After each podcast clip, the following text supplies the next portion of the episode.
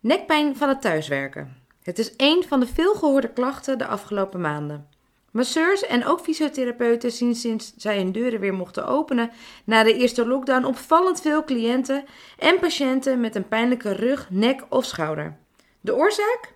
Het vele thuiswerken op een niet goed ingerichte werkplek. De toename van werknemers met deze klachten verbaast Edwin Spekel niks.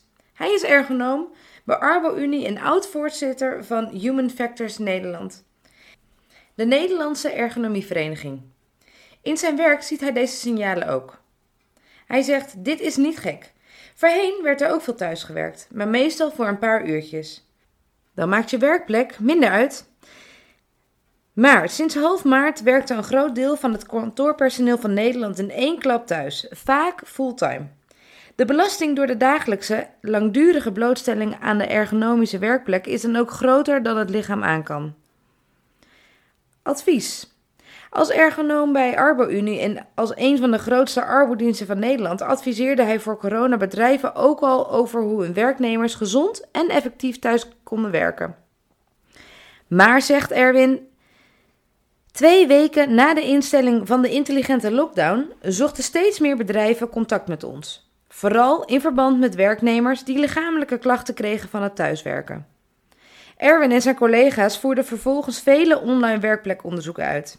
Op basis van videobeelden en foto's gaven zij bedrijven en werknemers advies. Hij zegt: Nu geven we dat advies ook weer live. Een goede werkplek is van groot belang voor de gezondheid van de werknemers. Het advies van Erwin is breed en gaat van werkplekinrichting tot hoe je bepaalde werkzaamheden uitvoert. Hij zegt: Mensen werken thuis vandaag langer aan ingesloten dan op kantoor. Dan loop je eerder naar een collega of naar het koffiezetapparaat. Thuis zitten mensen soms ongemerkt uren aan ingesloten in één houding. En soms ook nog in een verkeerde houding. Daardoor kunnen klachten ontstaan of verergeren. Een belangrijk advies is dan ook om regelmatig te bewegen en niet te lang achter elkaar te zitten. Hij zegt: Na drie kwartier zitten is een kwartier staan of bewegen heel goed. Ik doe mijn telefoongesprekken vaak wandelend door het huis. Dat is een goede manier om het uren achter elkaar te zitten te doorbreken. Het thuiswerken vanwege corona heeft laten zien dat lichamelijke klachten vanwege een niet-ergonomische werkplek een probleem kunnen zijn. Hij zegt: Zeker omdat bedrijven en werknemers door corona ook de voordelen van thuiswerken hebben ervaren. Die zijn er natuurlijk zeker. Meerdere organisaties zeggen nu al dat ze in de toekomst hun werknemers het liefst maximaal twee dagen op kantoor zien.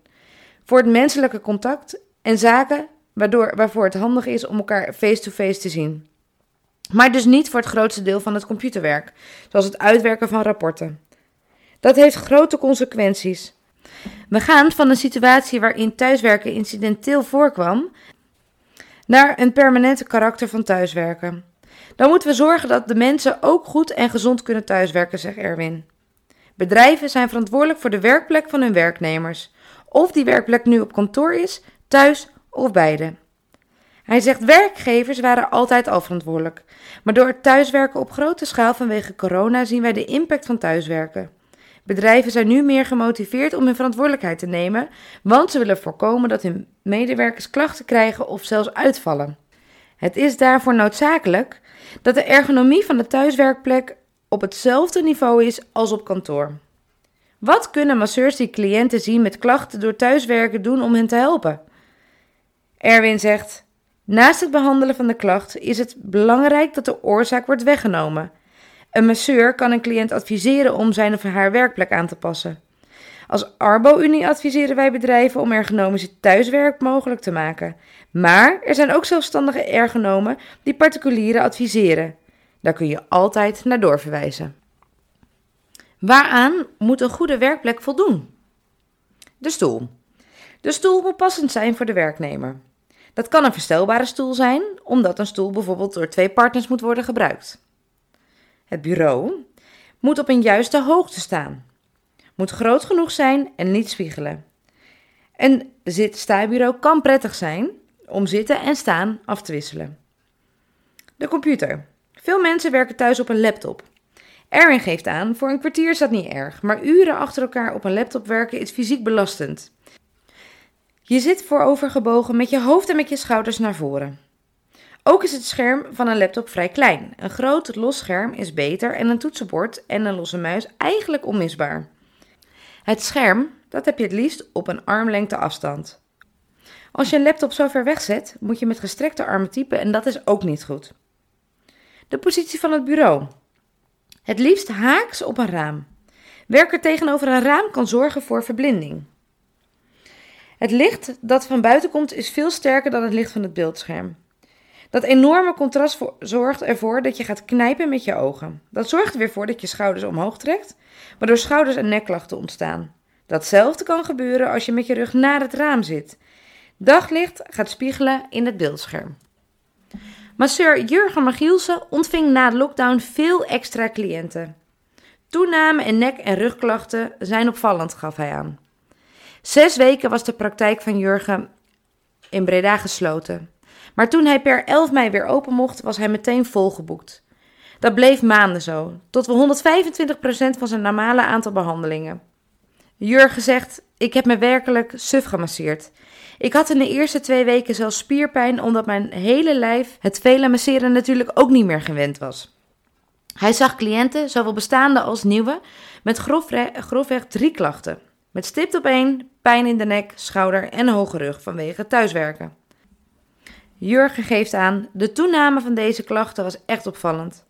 Dat heb ik ook van een aantal collega's gehoord. Vaak vertelden cliënten mij dat ze thuis op een laptop zaten te werken. En in het begin wisten veel mensen niet hoe slecht dat voor je is. Hij deed het wel eens voor. Dan ging hij achter zijn laptop zitten om te laten zien hoe dan ineengedoken je vaak zit. Daar schrokken mensen van. Later hoorde ik dat veel werkgevers losse schermen en toetsenborden beschikbaar stelden. De meeste cliënten kon Jurgen met een aantal behandelingen van hun klachten afhelpen. Hij geeft aan: het scheelde dat bij veel mensen de klachten pas recent waren ontstaan. Als je zorgt dat de spierknopen weer ontspannen, zijn ze vlot van de klachten af. Dit in tegenstelling tot mensen die al jaren in een verkeerde werkhouding werken. Bij dit soort klachten adviseerde ik cliënten wel altijd om iets aan hun werkplek te doen. En ik geef aan dat ze regelmatig moeten bewegen tussendoor. De meeste mensen doen dat ook, want ze willen niet weer klachten krijgen. De tweede groep die Jurgen veel zag waren mensen die tijdens de lockdown gingen hardlopen, terwijl ze dat niet gewend waren. Zij kregen last van hun scheenbenen, kuiten, hamstrings, knieën of enkels. De derde groep waren juist de fanatieke sporters die door de lockdown minder konden sporten of hun eigen sport niet meer konden doen. Zij waren juist stram geworden. De drie groepen hadden volgens Jurgen ook iets gemeen. Ze waren onzeker, zelfs gestrest door de coronacrisis en de lockdown. Veel van mijn cliënten maakten zich zorgen over wat er ging gebeuren. Ik leek wel een halve maatschappelijk werker. Veel mensen wilden praten, ook omdat ze natuurlijk veel minder andere mensen zagen. Ze vertelden over spanningen thuis, slecht slapen, het combineren van zorg voor de kinderen en thuiswerken aan de keukentafel. Die spanning verergde de klachten vaak, vooral in de rug en nek. Jurgen heeft behoorlijk wat nieuwe cliënten aan die hectische periode na de lockdown overgehouden. Zij kwamen in het begin bij Jurgen terecht omdat veel, met name grote fysiotherapiepraktijken in de eerste weken nadat zij weer open gingen, weinig hands-on behandelingen deden. Jurgen zegt: Bij de fysio werkten ze vooral nog online en soms in de oefenruimte. In het begin kon lang niet iedereen terecht op de behandeltafel. Ik heb een praktijkruimte in een fysiopraktijk en zij stuurde daarom regelmatig cliënten naar mij door, omdat ik wel de hands-on behandelingen deed.